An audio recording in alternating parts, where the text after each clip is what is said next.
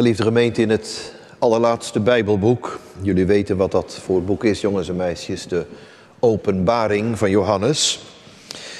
In het allerlaatste hoofdstuk daarvan, hoofdstuk 22. En bijna aan het einde van het hoofdstuk zegt de Heer Jezus wie Hij is en wat Hij is.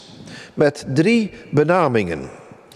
De wortel van David, dat wil zeggen hier het voorgeslacht van David. En het geslacht van David, het nageslacht van hem. En de blinkende morgenster. Hij zegt, eer dat David er was, was ik er al. David kwam uit mij voort. Jezus is er al, is er al altijd. Het verleden van de Heer Jezus strekt zich uit tot in de eeuwigheid. Hij is er altijd al en ons verstand duizelt wanneer we daarover nadenken. En zegt hij, David, je komt uit mij voort. Petrus zou ergens in zijn brief schrijven dat de gelovigen geboren zijn uit het onvergankelijke zaad van God. Ze komen als het ware uit God voort, uit God geboren. En zegt de Heer Jezus, wanneer je kijkt naar de toekomst, dan ben ik het nageslacht van David. Want hij werd geboren uit het nageslacht van David. Hij is de grote Davids zoon. Die net als David in Bethlehem woonde, in Bethlehem geboren werd. En wanneer je kijkt naar het nu, naar het heden, dan ben ik de blinkende morgenster. In de nacht als het heel donker is tegen het naderen, juist van de morgen, dan zie je die morgenster op het velst. En zo schitter ik en ben ik het licht van genade. Mag u rusten op deze Heer Jezus Christus, uit wie u of jij geestelijk geboren bent. Mag u het verwachten van Hem, die uit uw hart of uit dat van jou geboren zal worden. Mag je leven in het donker misschien wel van je hart bij deze blinkende morgenster. Dat is Advent. Gisteren, vandaag en morgen blijft Jezus dezelfde. We staan aan het begin van een nieuw kerkelijk jaar. Het nieuwe jaar begint over enkele weken, maar het kerkelijke jaar begint vandaag. En dat zijn de weken van Advent, vier, de dagen van kerst. Enkele weken daarna, waar ook de Leidenszondagen dan weer zullen beginnen, ergens in januari. En die strekken zich uit tot ergens in maart. En er komt de paasdag, Goede Vrijdag, Pasen en Hemelvaart en Pinksteren. Het kerkelijk jaar wordt vaak beëindigd Sommige kerken geven daar ook heel actief aandacht aan door de zondag die we noemen de eeuwigheidszondag, waarop vaak de doden worden herdacht. Wij doen dat aan het einde van het jaar op de oudejaarsdag. Maar andere kerken doen dat op de zondag die voorafgaat aan het begin van een nieuw kerkelijk jaar. En zo'n gemeente markeert als het ware de dood, het begin van het leven. En dat is ook advent. Het leven wordt geboren in dode harten en maakt hen levend. Advent wil zeggen naderende komst. Het komt van het Griekse woordje advenire. Iets wat aan het komen is. En we omschrijven het dan met een verlangen, een verwachting.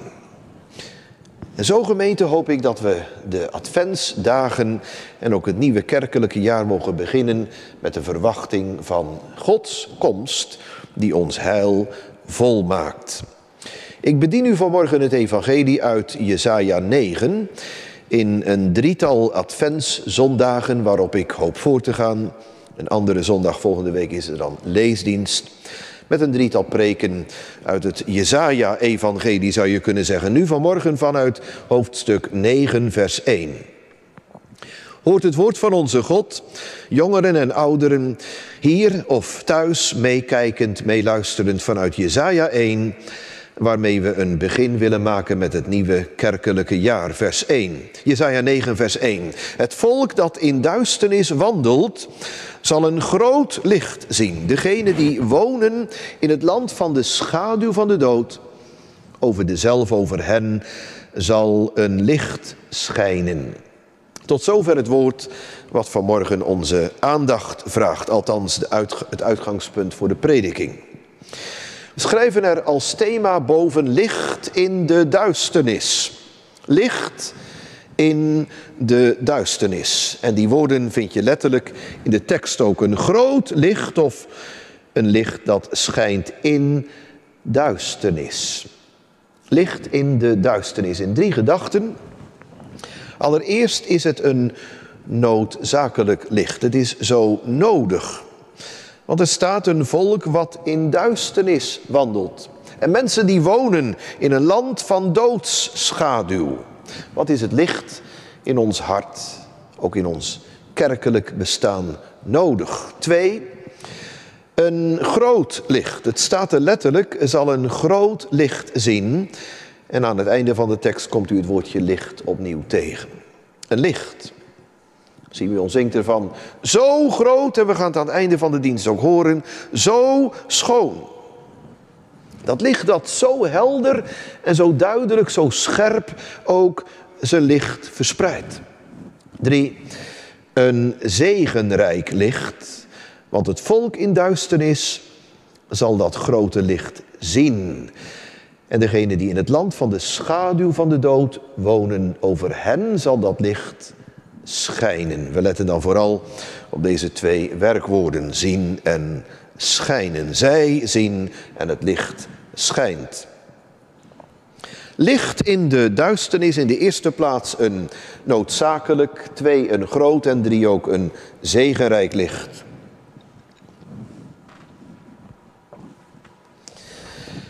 Gemeente het Jezaja-boek kunnen we, en ik laat even allerlei andere moeilijkheden achterwege van uh, sommige hoofdstukken die mogelijk dan door een ander zouden geschreven kunnen zijn. Allerlei theorieën daarover. We laten dat vanmorgen achterwege, maar het Jezaja-boek, eenvoudig gezegd, uit 66 hoofdstukken bestaand, kunnen we verdelen in hoofdstuk 1 tot en met 39, het eerste gedeelte, en hoofdstuk 40 tot en met 66, de laatste 27 hoofdstukken. Het loopt wat door elkaar heen, maar grofweg gezegd kun je zeggen dat die eerste 39 hoofdstukken een oordeelsaankondiging zijn met enkele uitzonderingen, zoals ook hoofdstuk 9. Het gaat over de straf van het volk over de, vanwege de zonde, de straf van God voor het volk van de, vanwege de zonde. De ballingschap, ik kom er zo op terug. En het laatste gedeelte vanaf hoofdstuk 40, wat begint met troost Troost voor Gods volk spreekt ons vooral dan ook weer met wat uitzonderingen over Gods verlossende hand. Ik zei al, dat loopt wat door elkaar heen, maar het is een evenwichtig Bijbelboek. De Heer heeft Jezaja laten preken wat hij tegen Jeremia gezegd heeft om af te breken, om te verderven, om uit te rukken en om te verstoren, zeg maar, de wetsaankondiging, maar ook om te bouwen, en daar valt heel veel nadruk op, ook om te bouwen en te planten. Beide zaken zijn nodig en moeten in evenwicht worden verkondigd. Ik hoop dat de Heer mij dat ook zal geven voortdurend en ook u doet beleven en jou. Het gaat over de oordelen vanwege de zonde. Ik lees zomaar wat teksten voor die je in het Jezaja-boek terugvindt. Hoofdstuk 1 zegt, indien gij wederspannig zijt, tegen God ingaat, zult u van het zwaard gegeten worden. Wonderlijke uitspraak. Het zwaard zal je leven als het ware opeten. Je zult sterven. Dus de oorlog wordt daar aangekondigd. Vreemde volkeren zullen u het leven ontnemen.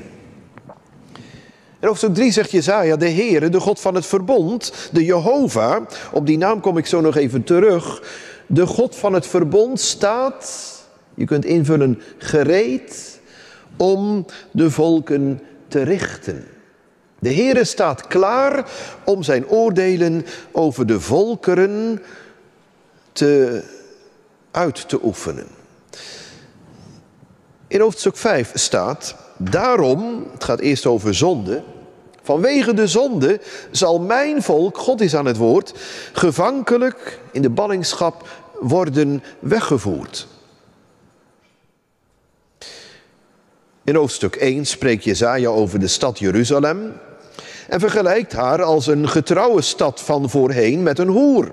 Ze was vol van recht en gerechtigheid, maar nu vol van moordenaars, doodslagers. In datzelfde hoofdstuk spreekt de Heer over het zondige volk.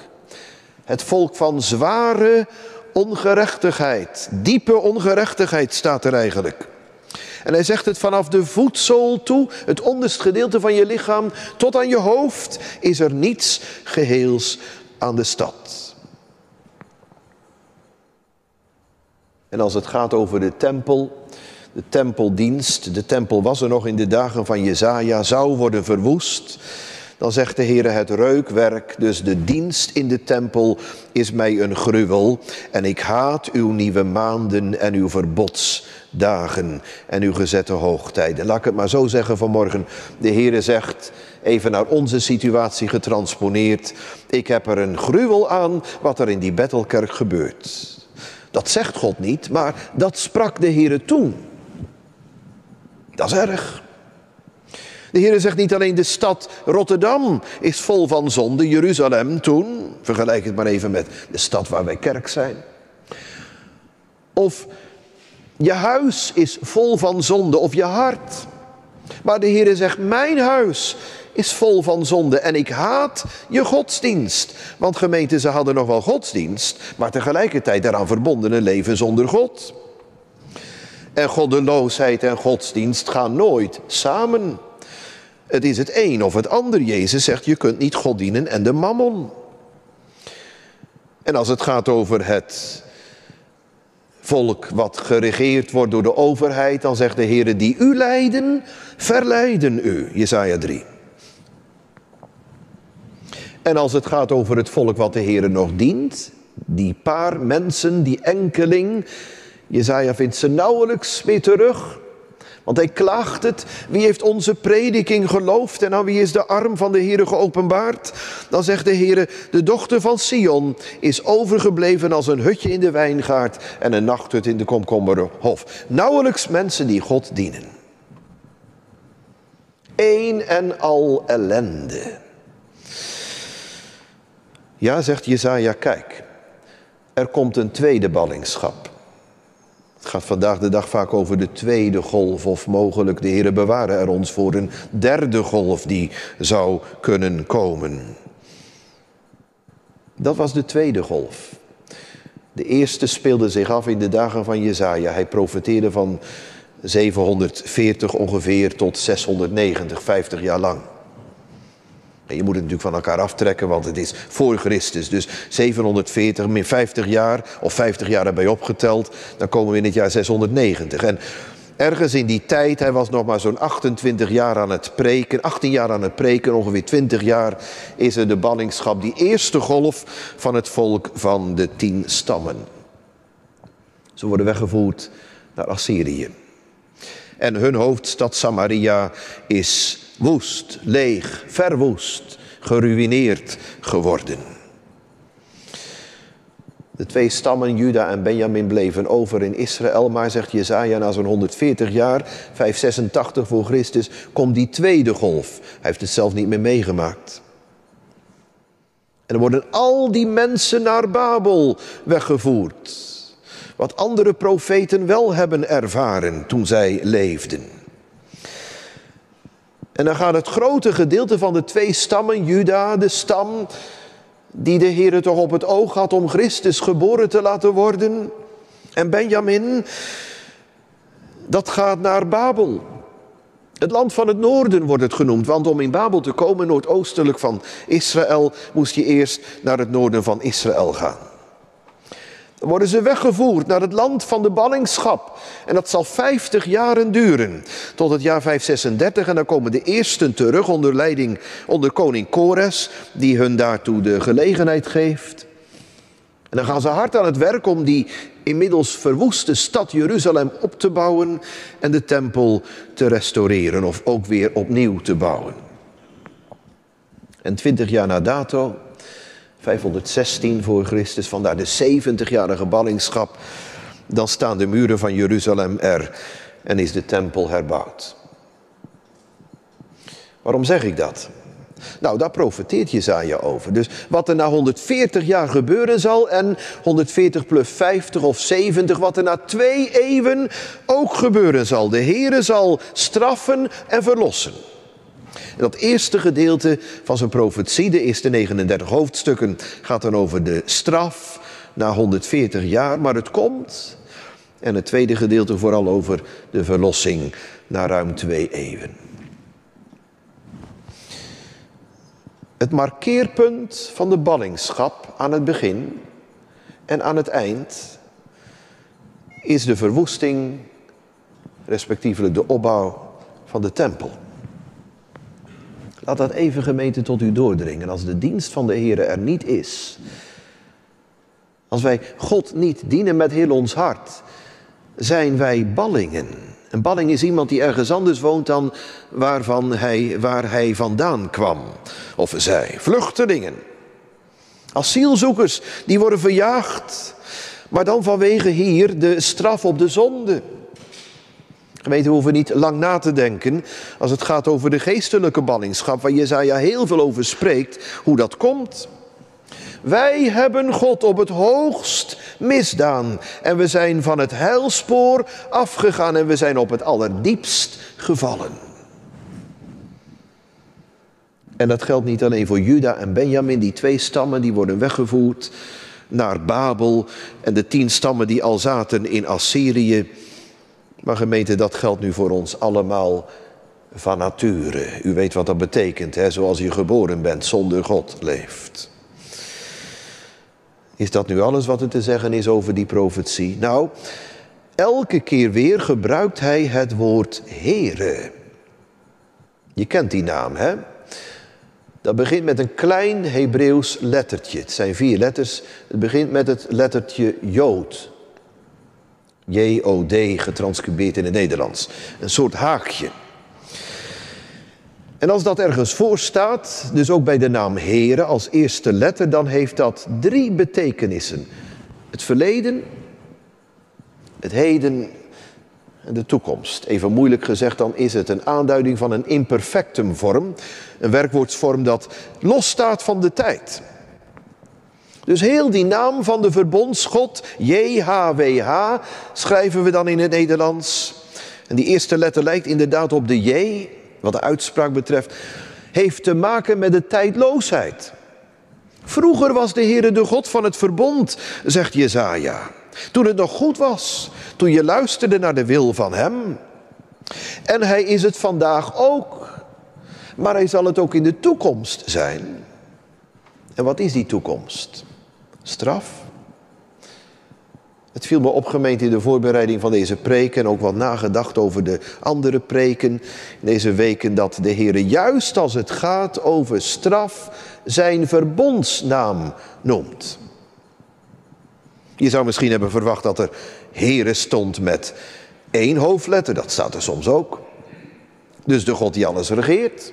Of God, de Elohim. Nee, Heere, de God van het verbond straft de verbondsbrekers. Dat noem ik vanmorgen, vanmiddag de keerzijde van het verbond.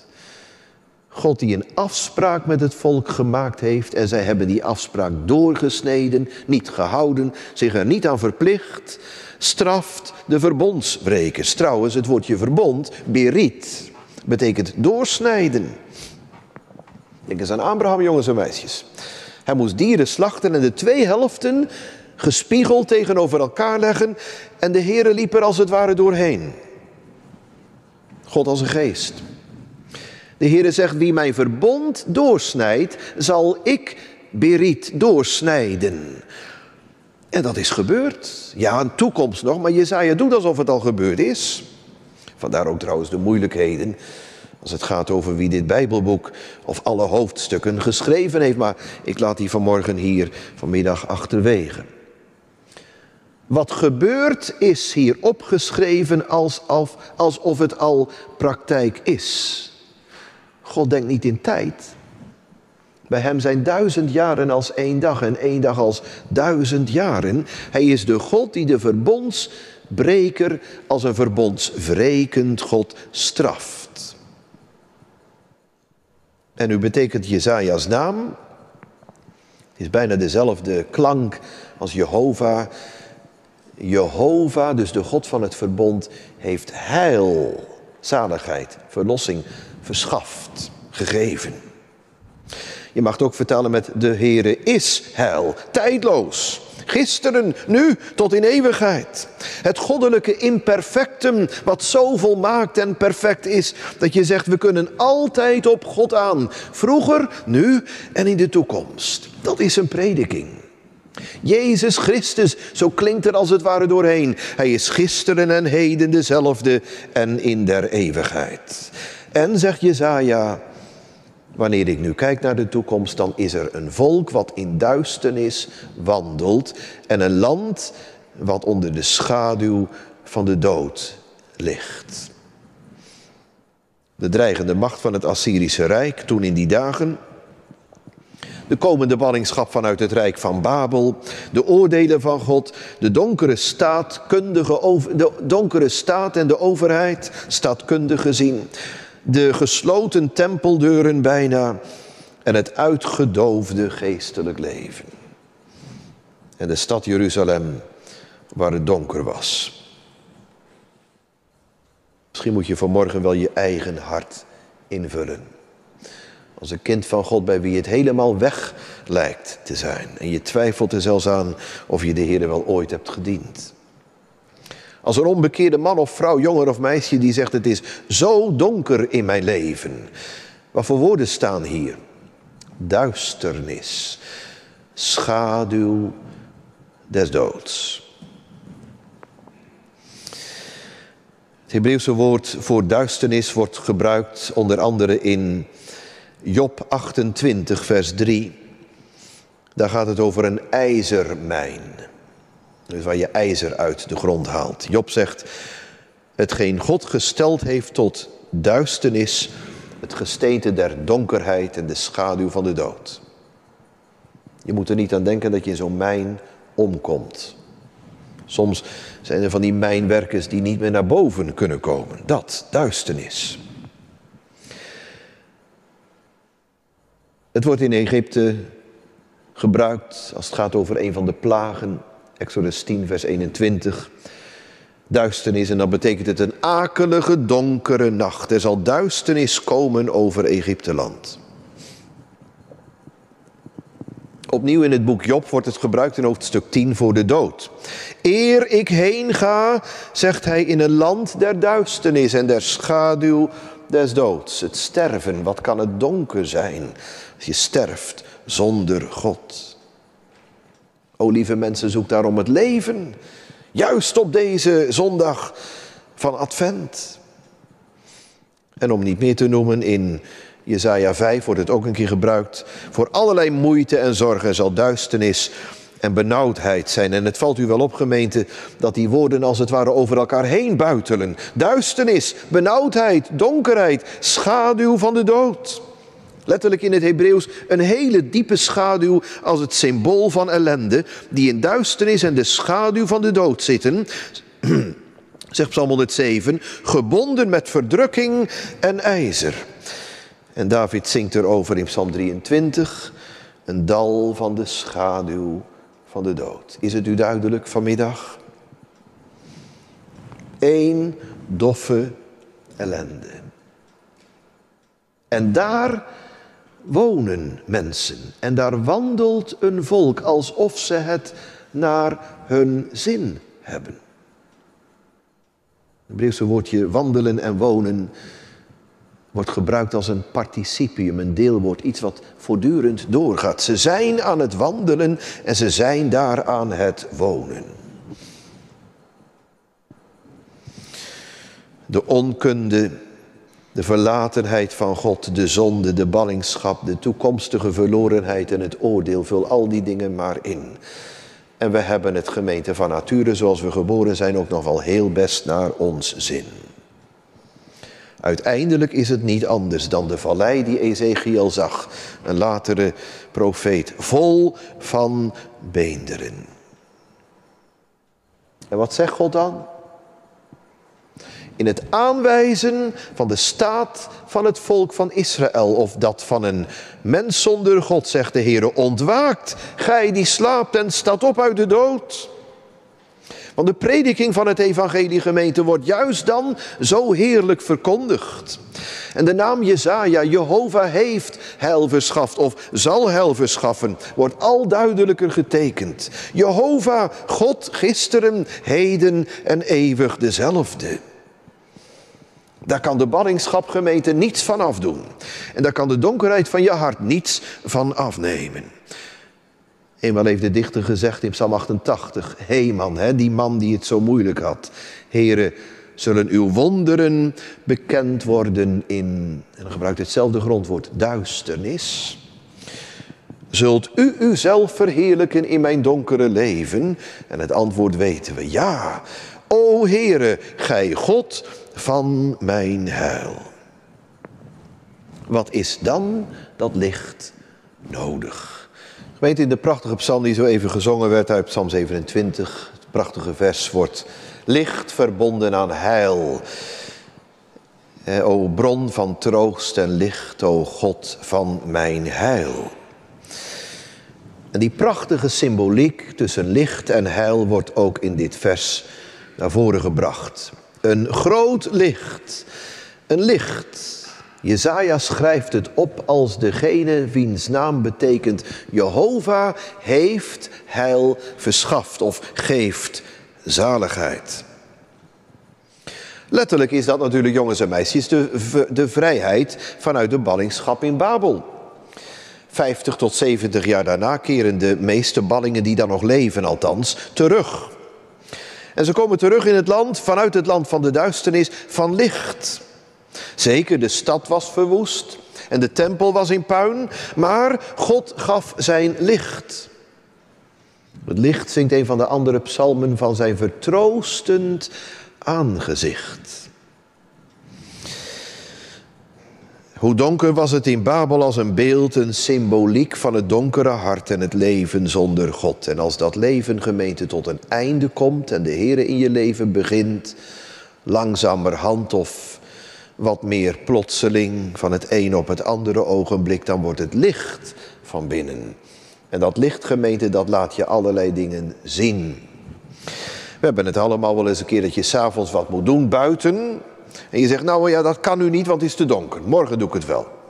Noem maar wat op. Of dat je binnen iets moet doen. En zelfs met het licht wat je binnen hebt kun je het nog niet zo duidelijk zien als overdag. Dan zeg je, nou dan doe ik het morgen wel. Want ik kan bij die donkere plaats in mijn kamer of in mijn tuin niet voldoende licht krijgen. Zo gaat de Heer het donkere hart door zijn heilige geest verlichten. En als het kerstfeest wordt, nog afgezien gemeente van allerlei kerstverlichting of het feest van het licht wereldwijd heeft kerst te maken met licht, maar als het kerstfeest in je hart wordt, dan schijnt Gods licht. De Bijbel spreekt daar heel duidelijk over. Vooral in Johannes 1. Het licht dat schijnen gaat in deze donkere wereld en verlichten ieder mens die in de wereld komt. En ook Jezus heeft het gezegd in Johannes 5. Ik ben een licht in de wereld gekomen. Johannes 12. En op een andere plaats, opdat een ieder die in mij gelooft het leven ontvangt. Licht wordt vergeleken gemeente met geloof. Of verbonden aan geloof. Het leven met God.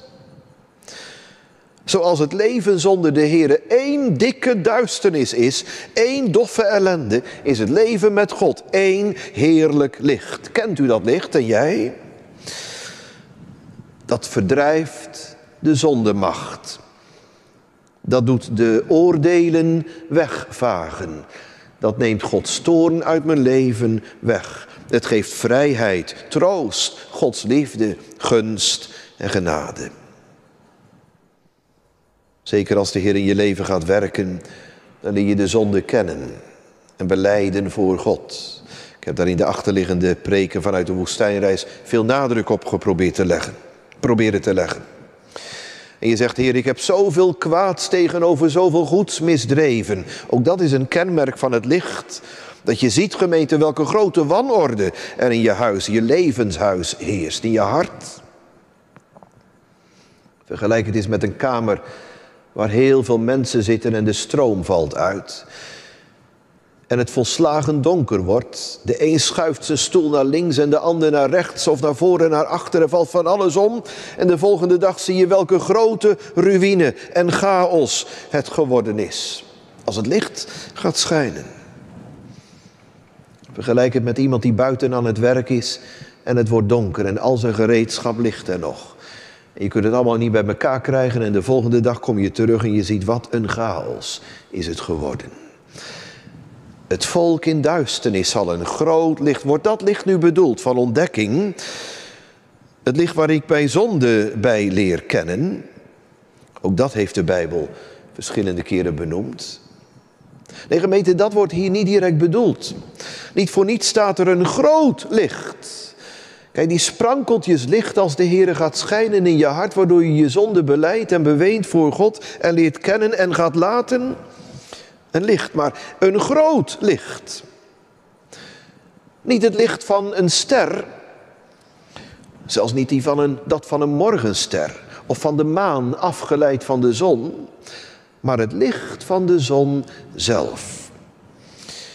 U lieden die de Heere vreest, zegt Malachi, zal de zon van de gerechtigheid opgaan en er zal genezing zijn onder zijn vleugels.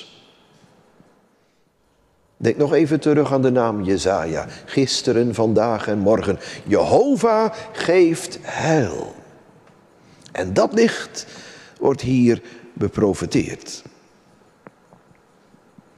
Ik kom erop terug met u in een enkele week vanuit Jesaja 60 vers 1, waar staat, en wat zo naadloos hierop aansluit, maak u op, dat betekent sta op, kom, word verlicht, want uw licht komt en de heerlijkheid van de Heere gaat over u op. Dat is het licht vanuit de hemel, de Heer Jezus wat eeuwig schijnt in de hemel van Gods trouw. En wat gaat schijnen te midden van een volk in duisternis en bij een land wat ligt onder de schaduw van de dood. En hier gemeten wordt het collectief twee keer gebruikt. Een volk, allemaal. Een land, het gehele gebied. En dat gaat de Heere verlichten. Er staan twee dingen een licht zien. En ik kom daar zo op terug in het derde punt. En een licht gaat schijnen. Dus dat licht is al licht in zichzelf. En dat licht wat licht is in zichzelf, gaat u, ga jij zien. Als je een zaklamp hebt, jongens en meisjes, of je telefoon, waar ook een zaklamp op zit, dan is die zaklamp meestal uit. Als die aan is, je telefoon, dan gaat die batterij heel snel leeg worden. Dat is een licht, maar het brandt lang niet altijd. Of het lampje in je kamer, dat, dat is een lamp, een licht, maar het brandt alleen maar als je het knopje aanzet. Als er stroom wordt gemaakt. Als er een verbinding tot stand komt. Tegelijkertijd zeggen we dat is een lamp. En ik heb een lamp bij me. Of op mijn telefoon zit een lamp terwijl die niet brandt. Maar zegt de Heer hier, die lamp die mijn genade vertegenwoordigt, die zul je ook gaan zien. Die zal er ook voor u komen. Bij een onbekeerde zondaar komt de Heer en hij roept het zo'n hart toe, zo'n hart, hart. Sta op, u die slaapt uit de dood, en ik zal over u lichten. Paulus zou laten schrijven In zijn Efeze brief, waar hij ook die tekst noemt, gij waart eertijds duisternis, maar nu licht in de Here.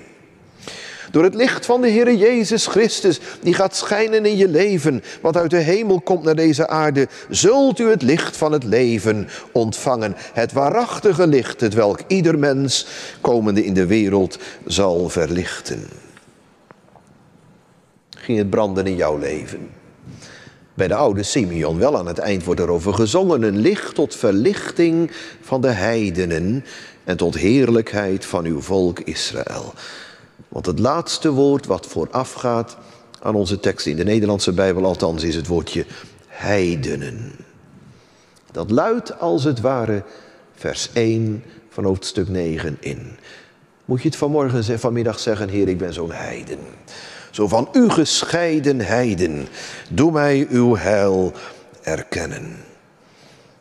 En laat mij iets zien, al was maar één sprankeltje van het licht van het vertroostend vaderlijk aangezicht.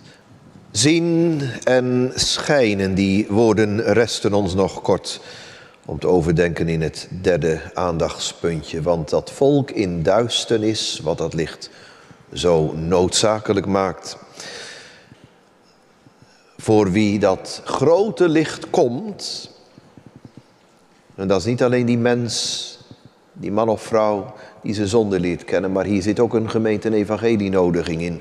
Dat volk, dat Israël in de ballingschap zal als natie dat grote licht gaan zien. Dat zal gaan zien en over hen zal het licht gaan schijnen. Laat ik beginnen gemeente met hetgeen wat ik zo net noemde. Heel dat volk. We mogen het niet zo alleen maar inkleuren van het volk van God in of te midden van Israël. De Heere gebruikt die benaming ook wel vaak als het gaat over volk. Mijn volk, mijn kinderen. Maar hier gemeente in de tekst is het allereerst bedoeld als een profetie dat Israël, dat in de ballingschap zal gaan, zal worden hersteld. God brengt hen terug. Heeft hen uit Bazan weergebracht, maar ook uit Babel. De tempel werd herbouwd, de stad Jeruzalem werd weer, de muren werden weer voltooid. En daar in dat volk van Israël, daar net buiten die plaats Jeruzalem, zo'n vijf of tien kilometer daarbuiten, lag dat kleine plaatsje Bethlehem. Die koningsstad die zo ondergesneeuwd was door de zonde. Waar één keer David koning was. Zijn naam wordt nog genoemd in vers 6. En dat is ook een bewijs van het feit dat de Heer dat hele volk daar aanspreekt. Of die profetie op hen allen betrekt. David, de troon van David. Die troon van David waar hij geboren was in Bethlehem. Waarvandaan hij geroepen werd. Waar hij zijn jeugd heeft doorgebracht. Waar hij vlak daarbij in Jeruzalem koning werd. Die zal worden hersteld. En die afgehouwen tronk van Isaïe, de vader van David, die zou vrucht voortbrengen. De Heere denkt en blijft denken aan zijn volk. Hij kan van zijn Israël niet af, ook nu nog niet. Maar Gods beloften worden heerlijk vervuld. En daar gaat de Heere Jezus, jongens en meisjes, in dat kleine plaatsje Bethlehem worden geboren.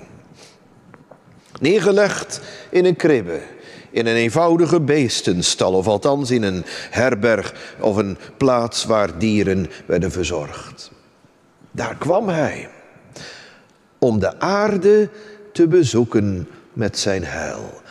Om het volk in duisternis het grote heerlijke licht van het evangelie te laten verkondigen. In de aanbieding van het heil en de oproep tot de zaligheid. Het licht is gekomen. Jezus zegt ergens, Johannes 12, nog een kleine tijd, en dan duidt hij zichzelf aan, is het licht met een hoofdletter bij u. Wandel terwijl u het licht hebt, opdat de duisternis u niet bevangen. En verderop, ik ben een licht in de wereld gekomen, opdat een ieder die in mij gelooft, in de duisternis niet blijven. Het kan bijna niet anders of de Heer Jezus heeft aan dit woord gedacht. Toen hij daar in Johannes 12 het evangelie verkondigt. En ik denk er met u ook aan. Bij een volk in duisternis, man of vrouw, jonger of meisje, die nog zonder God leeft. Jezus is geboren. Wat doet u ermee? Jezus wordt verkondigd. Wat doe jij ermee? Jezus wordt aangeboden. Wat doet u met dat aanbod? Jezus bewijst u onze vriendschap. Bewijst ons zijn vriendschap. Wend u zijn hand toch niet af.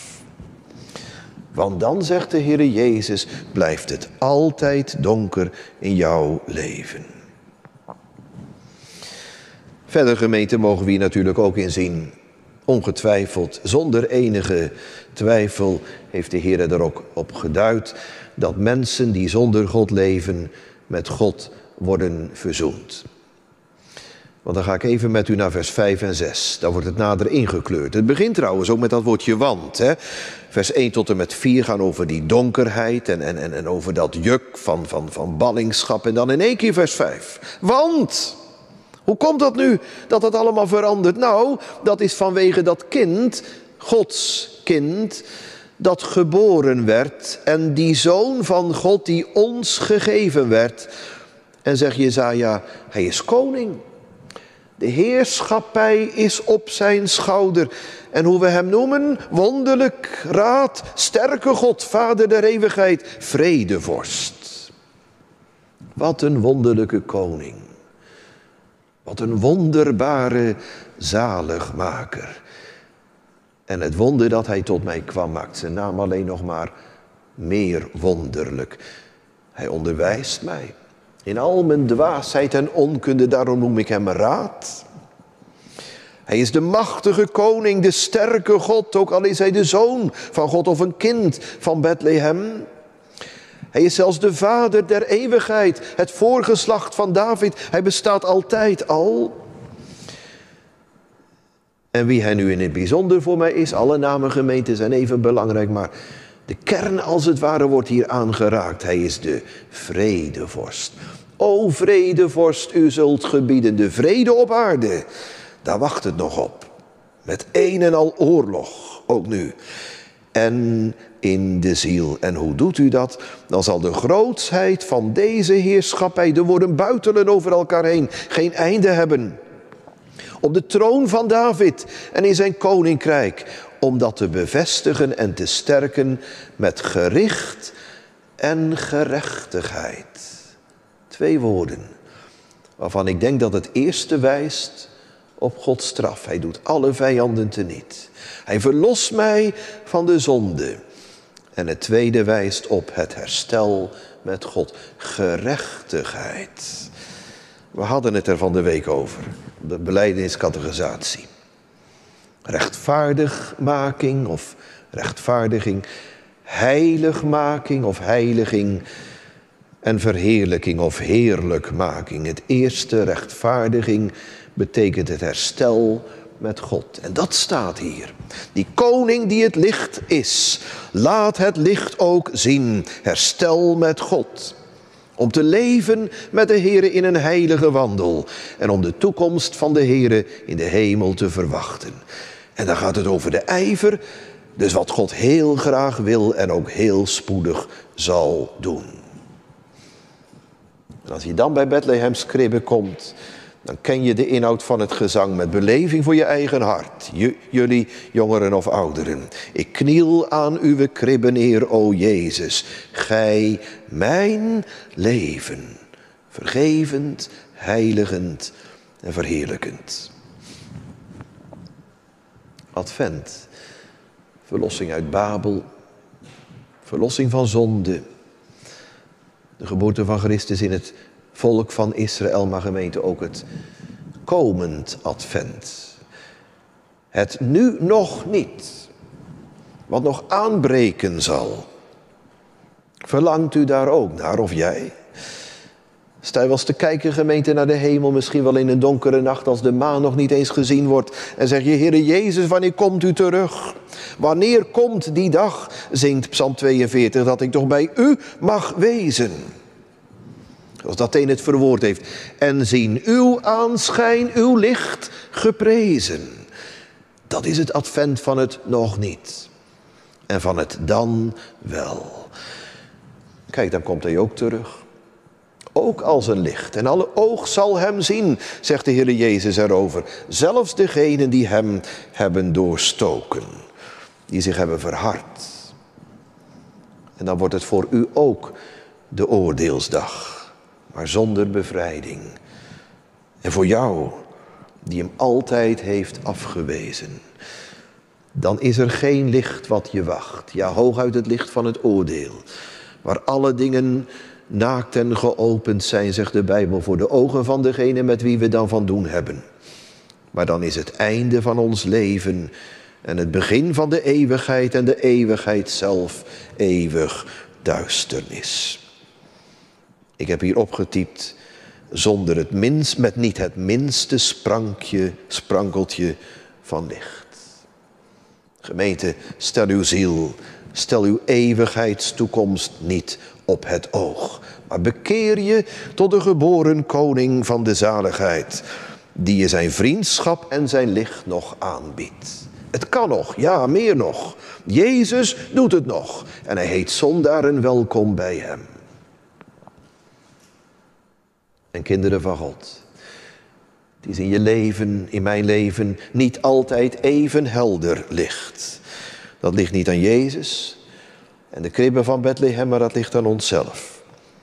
Wat is het dan nodig om met de herders opnieuw naar de stal van Bethlehem te gaan en aan de kribben van de zaligmaker te knielen?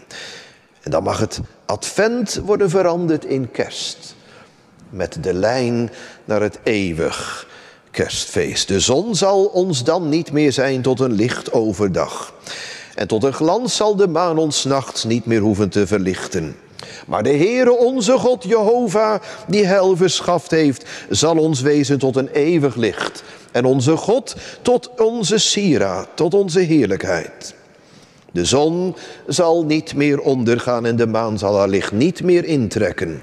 Want de Heere onze God zal ons zijn tot een eeuwig licht. En dan, pas dan, maar ook dan zullen de dagen van onze treuring een einde hebben genomen. Amen.